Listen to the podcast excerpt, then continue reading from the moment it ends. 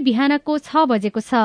सामुदायिक सूचना नेटवर्क सीआईएनबाट अब प्रसारण हुँदैछ साझा खबर।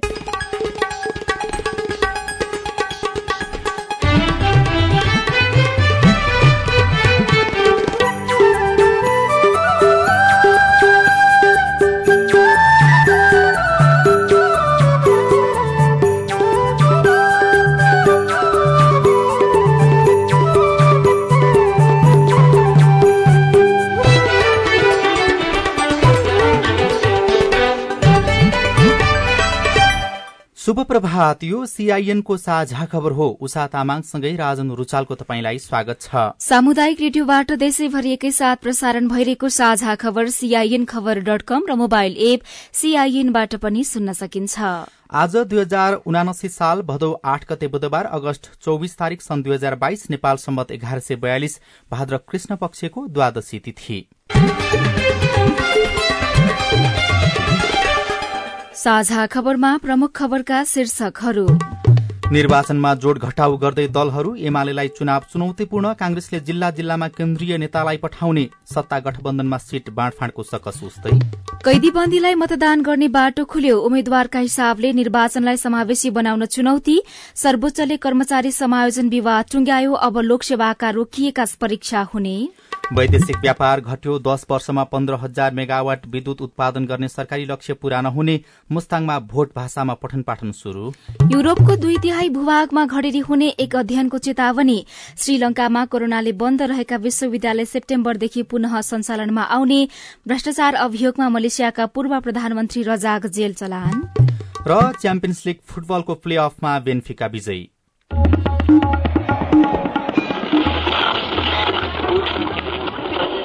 सयौं रेडियो। हजारौं रेडियो कर्मी र करोड़ौं नेपालीको माझमा यो हो सामुदायिक सूचना नेटवर्क सीआईएन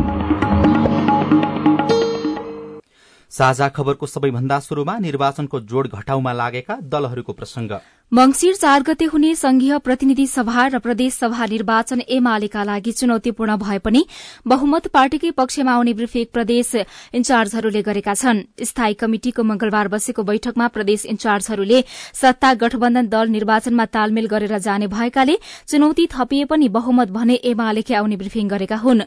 स्थानीय तह निर्वाचन परिणाम र एमाले सरकारमा रहँदा गरेका कामका बारेमा कामका कारण बहुमत आउने तर्क उनीहरूले राखेका थिए। दलले गठबन्धन गर्ने र जसरी पनि एमालेलाई एक्ल्याउने नीति लिएपछि एमाले चुनौतीपूर्ण दबावमा छ। स्थायी कमिटि बैठकमा प्रदेश इन्चार्जहरूले पार्टीको संगठन अवस्थाबारे ब्रिफिङ गरेका थिए। एमाले गठबन्धनमा रहेका दल फुटेर आए साथमा लिने अन्य दलका नेताहरूलाई पार्टीमा ल्याउने र जिम्मेवारी दिने भएको छ। यसैबीच नेपाली कांग्रेस मंगिर चार गते हुने प्रदेश र प्रतिनिधि सभा निर्वाचनको तयारीमा जुटेको छ। निर्वाचनलाई केन्द्रित गरी यही भदौ दश गतेदेखि शुरू हुने पन्ध्र दिने अभियानका लागि उसले सबै जिल्लामा केन्द्रीय प्रतिनिधि खटाएको छ। भदौ चौविस गतेसम्म सञ्चालन हुने पहिलो चरणको निर्वाचन केन्द्रित अभियान अन्तर्गत कांग्रेसले जनतामाझ गएर आफ्नो कुरा सुनाउने र सुन्ने योजना बनाएको छ। सोही अनुसार केन्द्रीय प्रतिनिधि खटाइएको हो। अभियान अन्तर्गत तोकिएका केन्द्रीय प्रतिनिधि जिल्लामा बस्नुपर्नेछ। पाँच दलीय सत्ता गठबन्धन भित्र प्रतिनिधि सभा र प्रदेशसभा निर्वाचनले सीट बाँडफाँडमा सकस देखिएको छ। प्रधानमन्त्रीको सरकारी निवास बालुवाटारमा हिजो बसेको सत्तारूढ़ गठबन्धन आबद्ध। केन्द्रीय पाँच दलका बैठकमा सीट बाँडफाँड मोडालिटीबारे सामान्य मात्रै छलफल हुँदा नेताहरूले दुई धारमा विभाजित हुने स्थिति देखिएको हो। सीट बाँडफाँडका लागि बनाइएको कार्यदल सदस्य समेत बैठकमा सहभागी नेपाली कांग्रेसका नेता एकातिर र गठबन्धनमा आबद्ध अन्य दलका नेता अर्कोतिर भएर प्रस्तुत भएका थिए। बैठकमा कांग्रेसले गत वैशाखमा सम्पन्न स्थानीय तह निर्वाचन परिणाम समेत आधार मानेर मोडालिटी बनाइनुपर्ने प्रस्ताव राखेको हो। तर माओवादी केन्द्र नेकपा एकीकृत समाजवादी जनता समाजवादी पार्टी जसपा र राष्ट्रिय जनमोर्चा भने प्रतिनिधि सभामा दुई हजार चौहत्तरको निर्वाचनमा पाएको सीट समेत आधार बनाएर मोडालिटी बनाउनु पर्ने पक्षमा उभिएका छन्। गठबन्धनले कार्यदललाई नै सीट बाँडफाँड मोडालिटी बनाउने जिम्मेवारी दिए पनि कार्यदलले टुङ्गो लगाउन नसकेपछि मंगलबारको बैठकबाट बाँडफाँडको विषय शीर्ष नेताको तहमा प्रवेश गरेको छ। शीर्ष नेतामा अब एक्ला वार्ता गरेपछि सीट बाँडफाँड मोडालिटी बनाउने बताइएको छ। कार्यदललाई भने सीट बाँडफाँड गर्न भन्दै भदौ पहिलो सातासम्मको समय दिइएको थियो। कार्यदलका एकजना सदस्य हिमाल पुरीले आज बुधबार साँझ पाँच बजे बस्ने बैठकले मोडालिटीबारे निष्कर्ष निकाल्ने र ढिलोमा बैठक भोलि बैठकले भोलि बिहिबारभित्र मोडालिटी टुङ्गो लगाउने विश्वास दिलाउनु भएको छ। मंगिर चारका लागि घोषणा भएको प्रदेश र प्रतिनिधि सभा सदस्य चुनाव आउन तीन महिना भन्दा पनि कम समय बाँकी छ। तर दलहरूमा चुनावी सरगर्मी शुरू भइसकेको छ। सत्तारूढ़ पाँच दलीय गठबन्धनले मिलेर चुनाव लड्ने निर्णय गरेका छन् भने प्रतिपक्षी एमाले तालमेलका लागि सारथी खोजिरहेको छ। अर्कोतर्फ स्थानीय चुनावमा युवाहरूको उत्साहजनक उपस्थिति देखिएपछि उमेर ढल्किसकेका नेताहरू यसपालिको चुनावमा दबावमा छनृ। कांग्रेस सभापति शेरबहादुर देउवा यसअघिकै निर्वाचन क्षेत्र डण्डेलधुराबाटै उम्मेद्वारी दिने तयारीमा हुनुहुन्छ। कतिपयले देउवा यसपटक कञ्चनपुरबाट उठ्ने चर्चा पनि चलाएका छन्। तर गठबन्धन कायमै हुँदा वा नहुँदा पनि देउवाका लागि सबैभन्दा सुरक्षित क्षेत्र डण्डेलधुरा मानिएको छ। एमाले अध्यक्ष केपी शर्मा ओली पनि पुरानै निर्वाचन क्षेत्र झापा पाँचबाट नै चुनाव लड्दै हुनुहुन्छ। स्थानीय चुनावमा दमक नगरपालिकामा पराजय बेहोरे पनि अरू पालिकामा आएको मतले ओलीका लागि यो क्षेत्र नै सुरक्षित देखिन्छ। माओवादी केन्द्रका अध्यक्ष पुष्पकमल दाहाल प्रचण्ड पनि चितोवन तीनबाट पुनः चुनाव लड्ने तयारीमा हुनुहुन्छ। पछिल्लो स्थानीय तह निर्वाचनले सो क्षेत्रमा माओवादी केन्द्रको मत बढ़ेको देखाएको छ। तर कांग्रेसका कार्यकर्ताले इमान्दारितापूर्वक मत नदिए प्रचण्डलाई सहज नभएको विश्लेषण पनि भइरहेका छन्। कतिपय नेताले प्रचण्डलाई गोर्खा क्षेत्र नम्बर एकबाट चुनाव लड्न सुझाएको खबरहरू पनि सार्वजनिक भएका छन्। सत्ता गठबन्धनको तेस्रो घटक नेकपा एकीकृत समाजवादीका अध्यक्ष माधव कुमार नेपाल यसपटक काठमाडौँ दुई छोडेर रौतहट फर्कने तयारीमा हुनुहुन्छ। दुई महिना अघिको स्थानीय निर्वाचनमा रौतहट दुईमा पर्ने स्थानीय तहमा नेकपा यसको बलियो पकड देखिएको थियो। जनता समाजवादी पार्टी जसपाका अध्यक्ष उपेन्द्र यादव सप्तरी दुईबाट चुनाव लड्ने तयारीमा हुनुहुन्छ। सो क्षेत्रमा जसपा आफै बलियो छ। नेपाल समाजवादी पार्टीका अध्यक्ष डाक्टर बाबुराम भट्टराईले माओवादी केन्द्रको चुनाव चिन्हबाट उम्मेद्वारी दिने सहमति गरे पनि आफूलाई उम्मेद्वार बनाउने वा नबनाउने जिम्मा उहाँले प्रचण्डलाई नै छोड्नु भएको छ। स्थानीय तह निर्वाचनको मतका आधारमा अहिले पनि नेपाली कांग्रेस र नेकपा एमाले हाराहारीका शक्ति हुन् तर तेस्रो दल माओवादी केन्द्रसँग तालमेल गरेकै कारण कांग्रेसले तीन सय सत्ताइस पालिका प्रमुख जित्न सक्यो भने एमाले दुई सय पाँचमा खुम्चियो। अबको चुनावमा पनि पहाड़मा माओवादी माओवादी र मधेसमा जसपासँग जसले तालमेल गर्छ उसले बाजी मार्ने सहजै अनुमान लगाउन सकिन्छ। प्रतिनिधि सभा र प्रदेशसभाको आसन्न निर्वाचनमा छब्बीस हजार भन्दा बढ़ी कैदीबन्दीले मतदान गर्न पाउने भएका छन्। विभिन्न कसुरमा अदालतबाट दोषी ठहर भई सजाय भुक्तानरत मुद्दाको किनारा नलागे पूर्वपक्षमा रहेका तथा बिगो जरिवाना तथा धरौटी तिर्न नसकी थुनामै रहेका करिब कुल छब्बीस हजार एक सय उन्तिस कैदीबन्दीले समानुपातिकतर्फ मतदान गर्न पाउने भएका हुन्। उनीहरूले प्रतिनिधि सभा र प्रदेशसभाको समानुपातिकतर्फ मतदान गर्न पाउनेछन् यसअघिका निर्वाचनमा खटिएका कर्मचारीले मात्रै समानुपातिक मतदानमा भाग लिन पाउँथे। यसपटक निर्वाचन आयोगले कैदीबन्दीलाई पनि मतदान प्रक्रियामा पहिलो पटक सहभागी गराउँदैछ। दुई हजार उनासी साल मंगिर चारमा प्रतिनिधि सभा र प्रदेशसभाको निर्वाचन एकै चरणमा हुँदैछ। त्यसका लागि गृहमन्त्री अध्यक्ष रहेको केन्द्रीय सुरक्षा समिति निर्वाचन सुरक्षा योजना निर्माणका क्रममा छ। प्रमुख निर्वाचन आयुक्त दिनेश थपलियाले कैदीबन्दीलाई जनप्रतिनिधि चयनमा सम्भवतः पहिलो पटक मतदान अधिकार प्रदान गर्न लागि बताउनुभयो। यसका लागि आयोगले एकहत्तरवटा कारागारलाई मतदान स्थल तोकेर मतदान अधिकृत सहायक मतदान अधिकृत र निर्वाचन कर्मचारी र सुरक्षाकर्मी खटाइने बताएको छ। प्रहरी प्रवक्ता डीआईजी टेक प्रसाद राईका अनुसार मतदान प्रक्रियामा एक हजार छ सय चौन्न महिला र चौबिस हजार चार सय पचहत्तर पुरूष कैदीबन्दीले भाग लिन पाउनेछन्। राजनीतिमा लैंगिक तथा समावेशी समूहको सहभागिता अभिवृद्धि गरी क्षमता विकास गर्नका लागि लैंगिक तथा समावेशीकरण नीति कार्यान्वयनमा आएको नौ वर्ष भयो तर अझै पनि नीतिको पूर्ण कार्यान्वयन हुन सकेको छैन। महिला सांसद तथा सरोकारवालाले भने लैंगिक तथा समावेशीकरण नीति अनुसार आगामी निर्वाचनमा राजनीतिक अधिकार सुनिश्चित गर्न माग गरेका छन्। निर्वाचनमा आफ्नो मताधिकारको प्रयोग गर्न पाउनु हरेक नागरिकको नैसर्गिक अधिकार हो। तर गत स्थानीय तहको निर्वाचनमा तीस प्रतिशत बढ़ी अपाङ्गता भएका व्यक्तिले आफ्नो मताधिकारको सहज उपयोग गर्न पाएनन्। यौनिक तथा लैंगिक अल्पसंख्यक समुदायका व्यक्तिहरू आफ्नो राजनीतिक अधिकार पनि खोसिएको गुनासो गर्छन्। तेस्रो लिङ्गी महिला सिमरन प्रतिनिधि सभा तथा प्रदेश सभा सदस्यको समानुपातिक निर्वाचनका लागि बन्द सूची तयार गर्दा कुल उम्मेद्वारको कम्तीमा पचास प्रतिशत समावेशी उम्मेद्वारको नाम प्रस्ताव गर्नुपर्ने बताउनुहुन्छ। निर्वाचन आयोगमा कतिपटक जाँदाखेरि कानुनै बनेको छैन। तपाईँहरूलाई रिप्रेजेन्टेसनको कोटाहरू आरक्षणहरू गर्नको लागि अरू अल्पसङ्ख्यक जस्तै भन्नुहुन्छ होइन? त्यो जवाफ आउँछ नि त। त्यो कानुन बनाउनको लागि उहाँहरूले सिफारिस अथवा उहाँहरूले पनि सम्बन्धित निकायमा लान सक्नुहुन्छ नि त। नेपालको संविधानले व्यवस्था गरेको लैंगिक तथा समानुपातिक समावेशी सिद्धान्त एवं निर्वाचन सम्बन्धी कानूनले निर्दिष्ट गरेका लैंगिक तथा समावेशी व्यवस्थाले निर्वाचन प्रक्रियालाई लैंगिक समानतामूलक तथा समावेशी बनाउन बाटो खोलेको छ। तर ती नीतिको कार्यान्वयन नहुँदा उनीहरूको राजनीतिक अधिकार खोसिएको छ। सन् दुई हजार तीससम्ममा महिलाहरूको प्रतिनिधित्व संघमा चालिस र प्रदेशमा बयालिस प्रतिशत बनाउने दिगो विकासले लक्ष्य निर्धारण गरेको छ। यो लक्ष्य पूरा गर्न आगामी निर्वाचनबाट नै उम्मेद्वारी संख्या बढ़ाउनु पर्ने माग महिलाहरूको छ।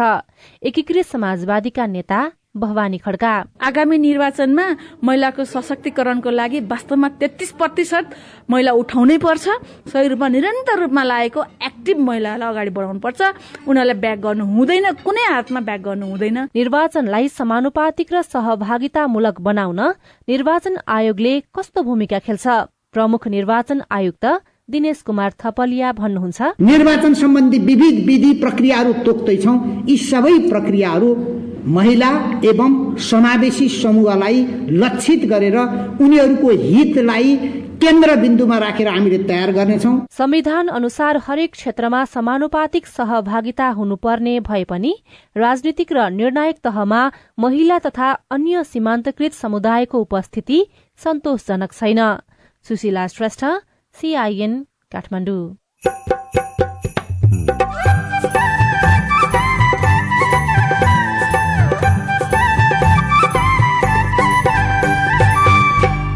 सामुदायिक सूचना नेटवर्क सीआईएन मार्फत देशभरि प्रसारण भइरहेको साझा खबरमा सामुदायिक विद्यालयमा कार्यरत चालिस हजार लेखापाल र कार्यालय सहयोगी आन्दोलनमा श्रेणीविहीन कर्मचारीहरूले पाउनुपर्ने सेवा सुविधा र त्यसको स्केल के छ त्यो स्केल प्राप्त गर्यौँ भने हाम्रो आन्दोलन रोकिन्छ र हामीलाई चाहिँ दरबन्दीमा लानुपर्छ प्रमुख माग मुद्दा छ। सर्वोच्चले कर्मचारी समायोजन विवाद टुंग्यायो। अब लोकसेवाका रोकिएका परीक्षा हुने। वैदेशिक व्यापार घट्यो। लगायतका खबर बाँकी नै छन्। सीआईएनको साझा खबर सुन्दै गर्नुहोला। मम्मी खाजा। मम्मी मेरो होमवर्क गर्ने कापी। बुहारी एकदम खुट्टा दुख्यो। बुहारी चिया खान मन लागेको थियो। बुढी कपडा मैलो भएछ।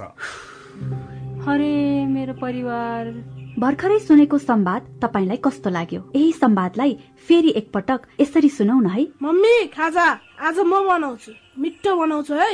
मम्मी मेरो होमवर्क गर्ने कापी मैले खोजिसके। अब म होमवर्क गर्छु।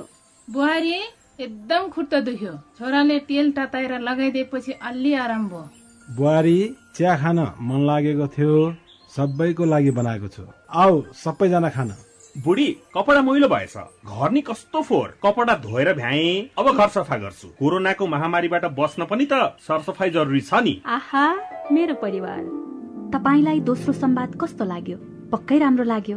हो तपाईँ हामी बीच जिम्मेवारी बोध भयो भने एक अर्का बीचको निकटतालाई अझ राम्रो बनाउन सकिन्छ। बाढी चोडी जिम्मेवारी परिवारमा समझदारी। महिला बालबालिका तथा ज्येष्ठ नागरिक मन्त्रालय युएन वुमन ल्याक र अकुराबको सहकार्य।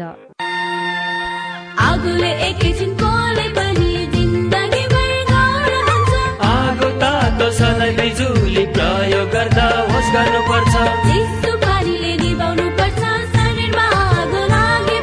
सुटीले छोपी लानु पर्छ बिरामीलाई स्वास्थ्य चौकी। नानी हुन्न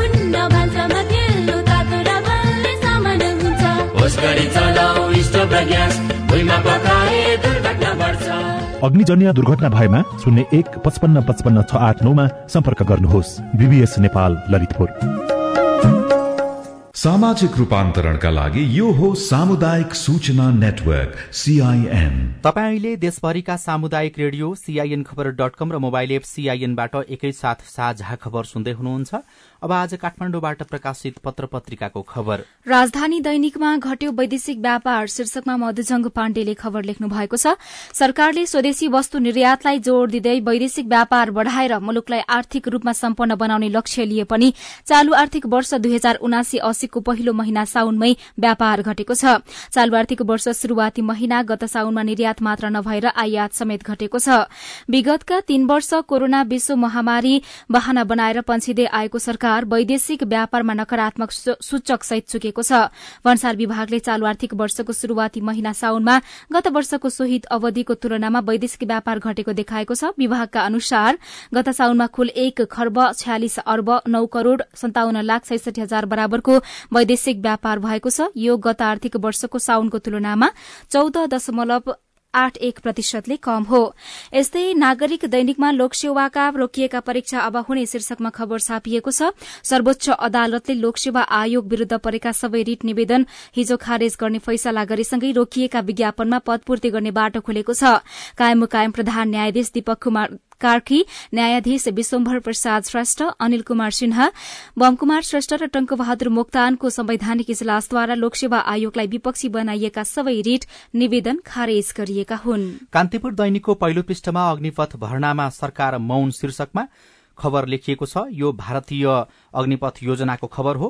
अग्निपथ योजना अनुसार नयाँ सैनिक भर्नामा सहजीकरण गरिदिन भारतले पठाएको पत्रमा नेपाल सरकार दुई महिनादेखि प्रतिक्रियाविहीन बनेको मणि दाहाल र जगदीश्वर पाण्डेले लेख्नु भएको छ। भारतले जेठ अन्तिममा पठाएको पत्र अनुसार नेपालमा अग्निवीर भर्ती शुरू हुन अब एक दिन मात्रै बाँकी छ तर यसबारे के गर्ने भनेर धारणा नेपाल सरकारले बनाएको छैन। समग्र भारतीय सैनिक अब अग्निपथ योजनाबाट भर्ती गर्ने नीति अनुसार गोर्खा सैनिकको पथ पनि त्यही नै हो। भर्तीका लागि सहजीकरण गरिदिन भारतीय सेनाले काठमाडौँ स्थित दूतावास मार्फत परराष्ट्र मन्त्रालयलाई एकतीस जेठमा नै पत्रचार गरेको थियो। भारतीय सेनाले भदौ नौमा बुटबल र सोह्र भदौमा धरानमा भर्ती शिविर सञ्चालन गर्न खोजेको छ तर यस विषयमा सरकारले कुनै पनि प्रतिक्रिया नदिएको परराष्ट्रका अधिकारीहरूले बताएका छन्। त्यस्तै नयाँ पत्रिका दैनिकको अर्थ वाणिज्य पृष्ठमा दश वर्षमा पन्ध्र हजार मेगावाट विद्युत उत्पादन सरकारी लक्ष्य पूरा नहुने शीर्षकमा खबर लेखिएको छ। यो खबर मिलन विश्वकर्माले लेख्नु भएको हो।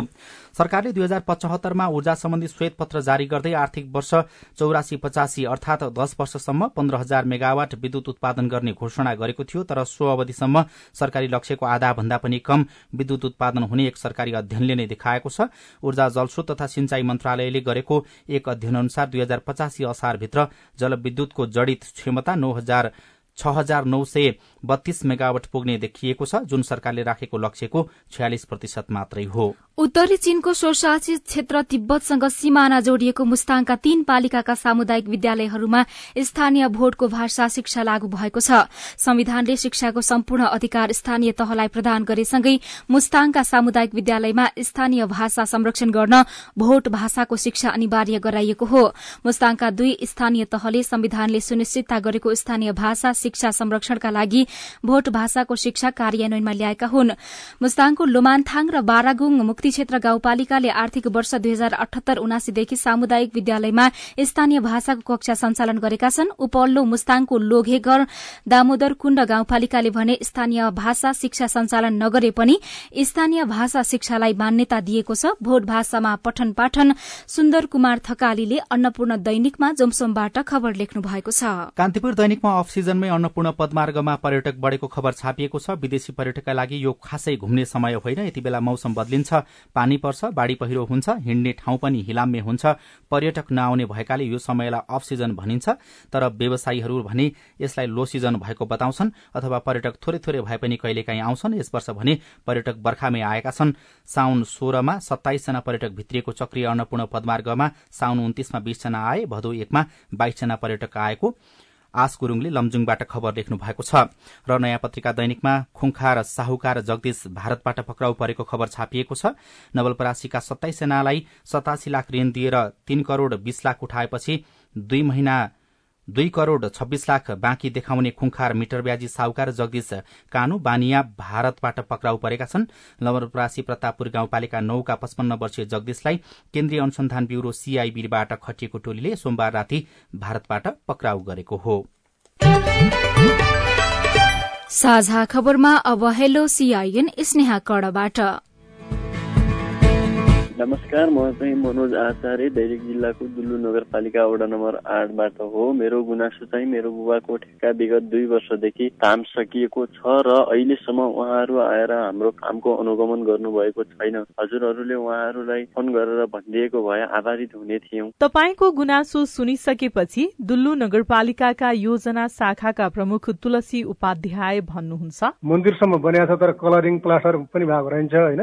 यो काम सक्नु त्यसपछि मात्रै आउनुहोस् हामी खाता खोल्छौँ भनेर उहाँलाई भन्यौँ। त्यसपछि उहाँले फेरि त्यो काम कम्प्लिट गर्नु भएको थिएन। हामी जाँदाखेरि अस्ति अठारको महिना जाँदाखेरि। त्योभन्दा यता हामी गएको छैनौँ। उपरमुजीहरू काठमाडौँतिर जानुभयो। भर्खरै आउनु भएको छ। उहाँको आफै लापरवाहीले त्यो काम ढिलो भएको अब अहिले उहाँ सम्पर्कमा आउनु भएको छ। अब सम्पर्कमा उहाँ आइसकेपछि अहिले ठिकै जाउँला हामी फेरि पनि सक्नु भएको छैन? काम सक्नु भएको छ भने हामी भुक्तानी गरिदिन्छौँ उहाँलाई। अब सिटी भिटी संघको जिज्ञासा र प्रश्न जसको जवाफ दिँदै हुनुहुन्छ सिटी भिटी अन्तर्गतको परीक्षा नियन्त्रण कार्यालयका उपनियन्त्रक पुष्पराज पौडेल। नमस्कार मेरो नाम दिपक राङ्गी म एक सिटिभिटी अन्तर्गत इन्जिनियरिङको विद्यार्थी हुँ। असारको दुई गतिदेखि सिटिभिटीको इन्जिनियरिङको फर्स्ट सेमको इक्जाम भएको थियो। उक्त इक्जाममा केमिस्ट्रीको कपीको सेकेन्ड पेज च्यातिएको थियो। उक्त पेजमा केही नलेखिएर स्ट्री हानेर त्यही टाँसिएको छ। त्यो कपी चेक हुँदैन भनेर मैले सुनेको थिएँ। उक्त कपी चेक हुन्छ कि हुँदैन होला? कसैको रिजल्ट नआउने भन्ने कस्तोमा हुन्छ भनेदेखि केन्द्राध्यक्ष बाह्य सुपरिवेक्षक र त्यो इक्जाम सेन्टरको त्यो हलमा बस्ने निरीक्षक प्लस प्रहरी चारजना गरेर यसले चिट चोरेको हो अथवा यसले कपी च्यातेको हो यसले कपी बाहिर लगेको हो भन्ने जुन मुचुल्का आउँछ त्यसको मात्रै हामीले रोक्छौँ। कतिपय सेन्टरबाट त्यस्तो भएको हुन्छ नि त। उहाँहरूले लेखेरै पठाउनुहुन्छ यसको यस्तो थियो भनेर। तर नर्मल्ली हामीले त्यस्तो काट्दैनौँ। मुचुल्का नभएसम्म हामीले रिजल्ट नगर्ने भन्ने हुँदैन। चितवनका विनेश कार्कीको प्रश्न छ सिटी भिटीले फागुनमा स्वास्थ्यतर्फ लिएको डिप्लोमा तहको परीक्षाको नतिजा कहिले सार्वजनिक हुन्छ? फागुन चैतमा चलेको इक्जामको चाहिँ अहिले बल्ल रिजल्ट भइरहेछ होइन? असारबाटै सुरु गऱ्यौँ फागुन चैतको रिजल्ट गर्न। हाम्रो कस्तो हुन्छ भने क्वेसनै हजार प्लस हुन्छ। त्यो भएर हाम्रो एकदम धेरै विषय प्र्याक्टिकल इन्ट्री थियोरी इन्ट्री होइन? कतिको चाहिँ कस्तो हुन्छ भने इक्जाम दिइसकेपछि छ महिना अन द जब ट्रेनिङ हुन्छ। त्यो मार्क्स नआएसम्म गर्नु मिल्दैन। त्यो भएर धेरै कुराहरूले गर्दा हाम्रो चाहिँ अलिकति ढिलै हुन्छ। तपाईँ जुनसुकै बेला हाम्रो टेलिफोन नम्बर शून्य एक बान्न साठी चार छमा फोन गरेर आफ्नो विचार गुनासो प्रश्न तथा प्रतिक्रिया रेकर्ड गर्न सक्नुहुन्छ। साझा खबरमा अब विदेशका खबर युरोपको दुई तिहाई भूभागमा कुनै न कुनै प्रकारको खडेरी हुने एक अध्ययनले चेतावनी दिएको छ। यो खडेरी पाँच सय वर्ष यताकै खराब हुने पनि अध्ययनले बताएको छ। ग्लोबल डाफ्टेड अब्जर्भेटरीको पछिल्लो प्रतिवेदनले महादेवको सत्तालिस प्रतिशत खडेरीको चेतावनी अवस्थामा रहेको देखाएको बीबीसीले लेखेको छ। श्रीलंकाको विश्वविद्यालय अनुदान आयोगले देशका सबै विश्वविद्यालय सेप्टेम्बरदेखि पुनः सञ्चालनमा आउने घोषणा गरेको छ। कोविड उन्नाइस महामारीका कारण सन् दुई हजार बीसमा बन्द भएका विश्वविद्यालयमा अहिले पनि अनलाइन कक्षा सञ्चालन भइरहेको आयोगका अध्यक्ष सम्पथ अमरतुङ्गाले बताउनु भएको छ। लगभग सबै विद्यार्थीले कोरोना विरूद्धको खोपको दुई मात्रा लगाइसकेकाले अब भौतिक रूपमै कक्षा सञ्चालन गर्ने तयारी भइरहेको छ। र मलेसियाका पूर्व प्रधानमन्त्री नाजिब रजाकलाई बाह्र वर्षको जेल सजाय पूरा गर्न जेल पठाइएको छ। उनासत्तरी वर्षका रजाकलाई अदालतले भ्रष्टाचार अभियोगमा सन् दुई हजार बीसमै बाह्र वर्षको जेल सजाय सुनाएको थियो। साझा खबरमा अब खेल खबर। अखिल भारतीय फुटबल महासंघ एआईएफएफले आफूमाथि लगाइएको प्रतिबन्ध हटाउन माग गर्दै विश्व फुटबल महासंघ फिफालाई पत्र लेखेको छ। भारतको सर्वोच्च अदालतले सोमबार महासंघको प्रशासनिक समिति सीओए भंग गरेपछि एआईएफएफले पत्र लेख्दै निर्णयको पुनर्विचार गर्न अनुरोध गरेको हो। भारतीय फुटबल महासंघले आफ्नो पचासी वर्षको इतिहासमा पहिलो पटक फिफाको निलम्बन बेहोर्नु परेको हो। र यूएफए च्याम्पियन्स लीग अन्तर्गत प्ले अफको अन्तिम चरणको दोस्रो लेगमा बेन्फिकाले डिनामो कियवलाई पराजित गरेको छ। गैराती भएको खेलमा बेन्फिकाले डिनामो कियवलाई तीन शून्य गोल अन्तरले पराजित गरेको हो। अर्को खेलमा प्लेजनले कारावागलाई दुई एक गोल अन्तरले पराजित गरेको छ भने तेस्रो खेलमा रेड स्टार बेलग्रेड विरूद्ध मक्कावी हाइफा दुई दुई गोल सहित बराबरीमा रोकिएको छ। प्ले अफ अन्तर्गत अन्तिम चरणको दोस्रो लेगमा आज पनि तीन खेलहरू हुँदैछन्। न्यूनतम पारिश्रमिक नपाएको भन्दै सामुदायिक विद्यालयका लेखापाल र कार्यालय सहयोगी आन्दोलनमा रेडियो रिपोर्ट अरू खबर र कार्टुन पनि बाँकी नै छ। सीआईएनको साझा खबर सुन्दै गर्नुहोला। उठाउनु पर्ने आवाजहरू सदनमा उठाउनु भएको छ। तपाईँलाई धन्यवाद दिनुपर्ने हुन्छ। कानून निर्माणमा नागरिक सहभागिता सिद्धान्त र अभ्यास। पारित गरियोस् भन्ने प्रस्ताव दुई तिहाई बहुमत भन्दा बढी मतबाट पारित भएको घोषणा गर्दछु। कानून कार्यान्वयनमा सांसद र संसदको जवाफदेहिता। र जिल्लाको र समग्र मुलुकका चाहिँ सवालहरूलाई संसदमा उठाउने सवालहरूमा म आफूले सशक्त ढंगले भूमिका खेले भन्ने लाग्छ। संसदीय प्रक्रियामा जनता र सरकारवाला निकायको नजर। युवाको क्षेत्रमा त्यति धेरै काम भएको छैन। युवालाई चाहिँ ओजरमै राखेर अहिले काम भइरहेको छ। युवाहरूलाई चाहिँ रोजगारीमा जोड्नुपर्छ भनेर अहिले केही कार्यक्रमहरू पनि सञ्चालन गरेका छौँ। जनतादेखि नेतासम्म नीतिदेखि नेतृत्वसम्म युवा सीमान्तकृत वर्ग जाति अल्पसंख्यकका सवालहरू। जनताको कुरा राख्ने ठाउँ संसदै हो। हामी कार्यपालिका होइन व्यवस्थापिका हो नीति निर्माण गर्ने हो। अब सवाल मात्रै होइन जवाबसँगै देखिन्छ प्रभाव पनि। कार्यक्रम हेलो सांसद। सीआईएन मार्फत मुलुकभरका सामुदायिक रेडियोमा हरेक बिहिबार बेलुकाको साझा खबरमा र भोलिपल्ट शुक्रबार बिहान साढे छ बजे कार्यक्रम हेलो सांसद। सीआईएन को फेसबुक पेज र युट्युब च्यानलमा सांकेतिक भाषामा पनि हेर्न सक्नुहुनेछ।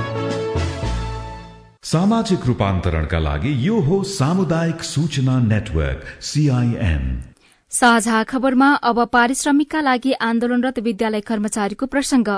श्रम ऐनले तोके अनुसार न्यूनतम पारिश्रमिक पनि सरकारले उपलब्ध नगराएको भन्दै देशभरका सामुदायिक विद्यालयमा कार्यरत चालिस हजार लेखापाल र कार्यालय सहयोगी लामो समयदेखि असन्तुष्ट थिए।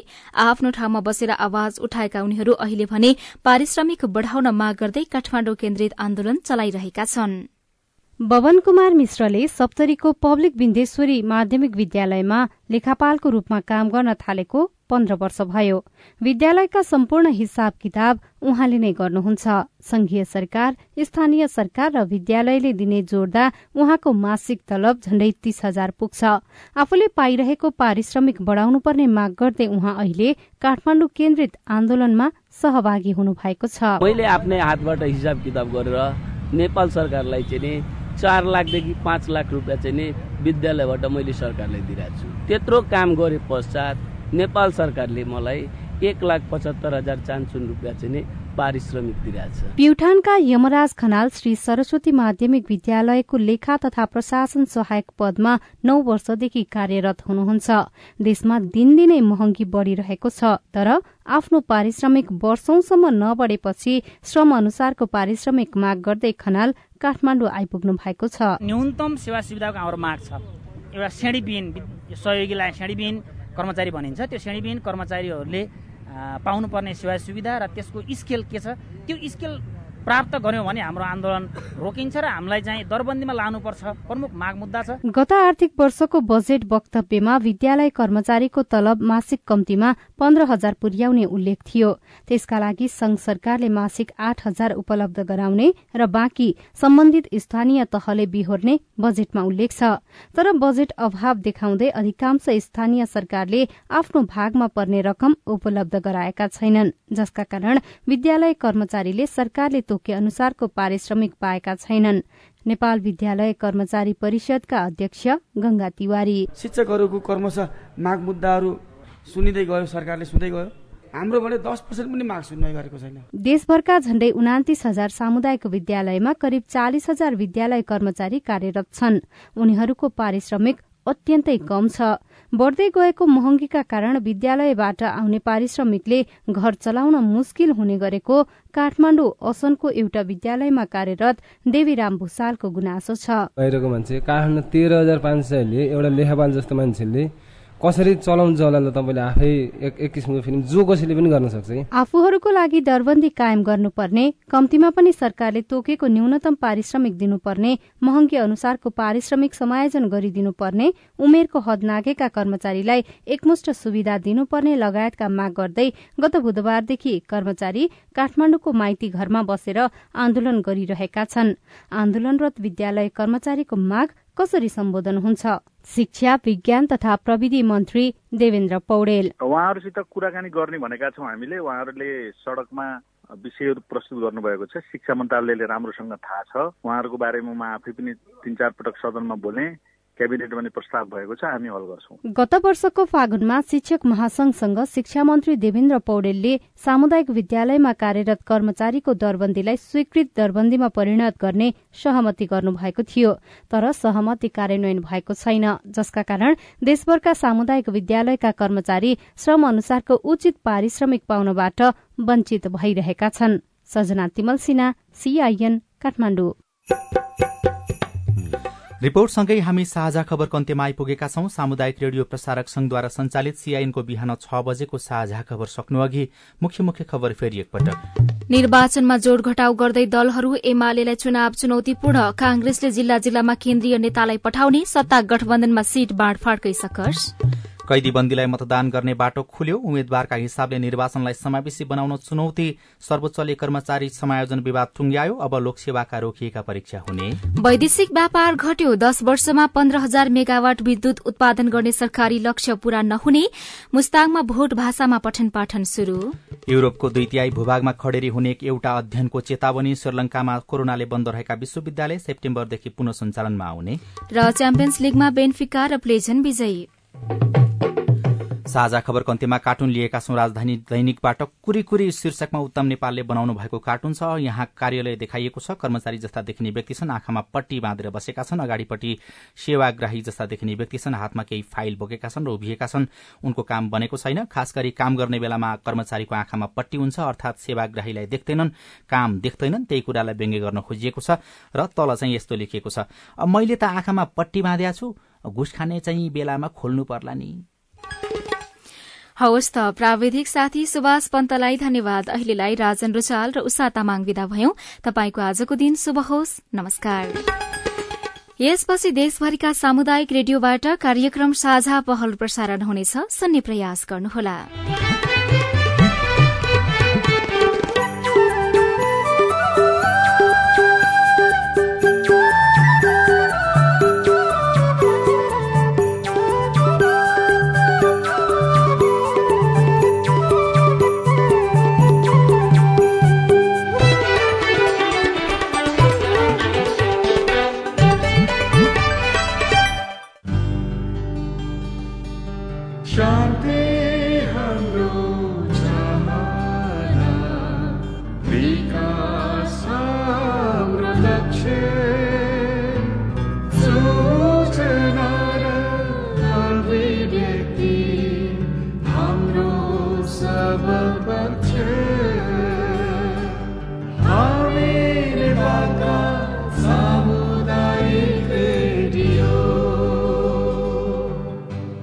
सामाजिक रूपान्तरणका लागि यो हो सामुदायिक सूचना नेटवर्क सीआईएन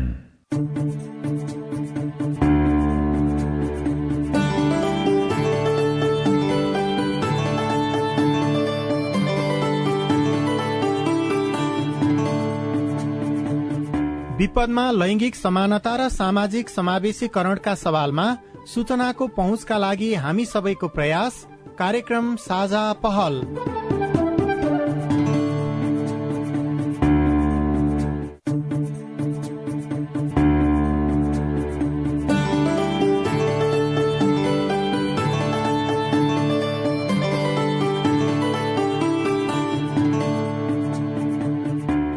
नमस्कार। रेडियो कार्यक्रम साझा पहलमा तपाईँलाई हार्दिक स्वागत छ। म सुशीला श्रेष्ठ। अनि म राजन रुचाल। कार्यक्रम साझा पहल महिला लैंगिक अल्पसंख्यक अपाङ्गता भएका व्यक्ति र सीमान्तकृत समुदायमा सूचनाको पहुँच पुर्याउने उद्देश्यले तयार पारिएको कार्यक्रम हो। अहिले कोभिड उन्नाइस नियन्त्रणमा आएको जस्तो देखिएको छ। तर यसले महिला तथा सीमान्तकृत वर्गमा आर्थिक सामाजिक अनि मानसिक रूपमा गहिरो प्रभाव छोडेको छ। कार्यक्रममा हामी कोविड उन्नाइसको प्रभाव लैंगिक समानता र सामाजिक समावेशीकरण जेसीको बारेमा छलफल गर्नेछौ। लैंगिक समानता र सामाजिक समावेश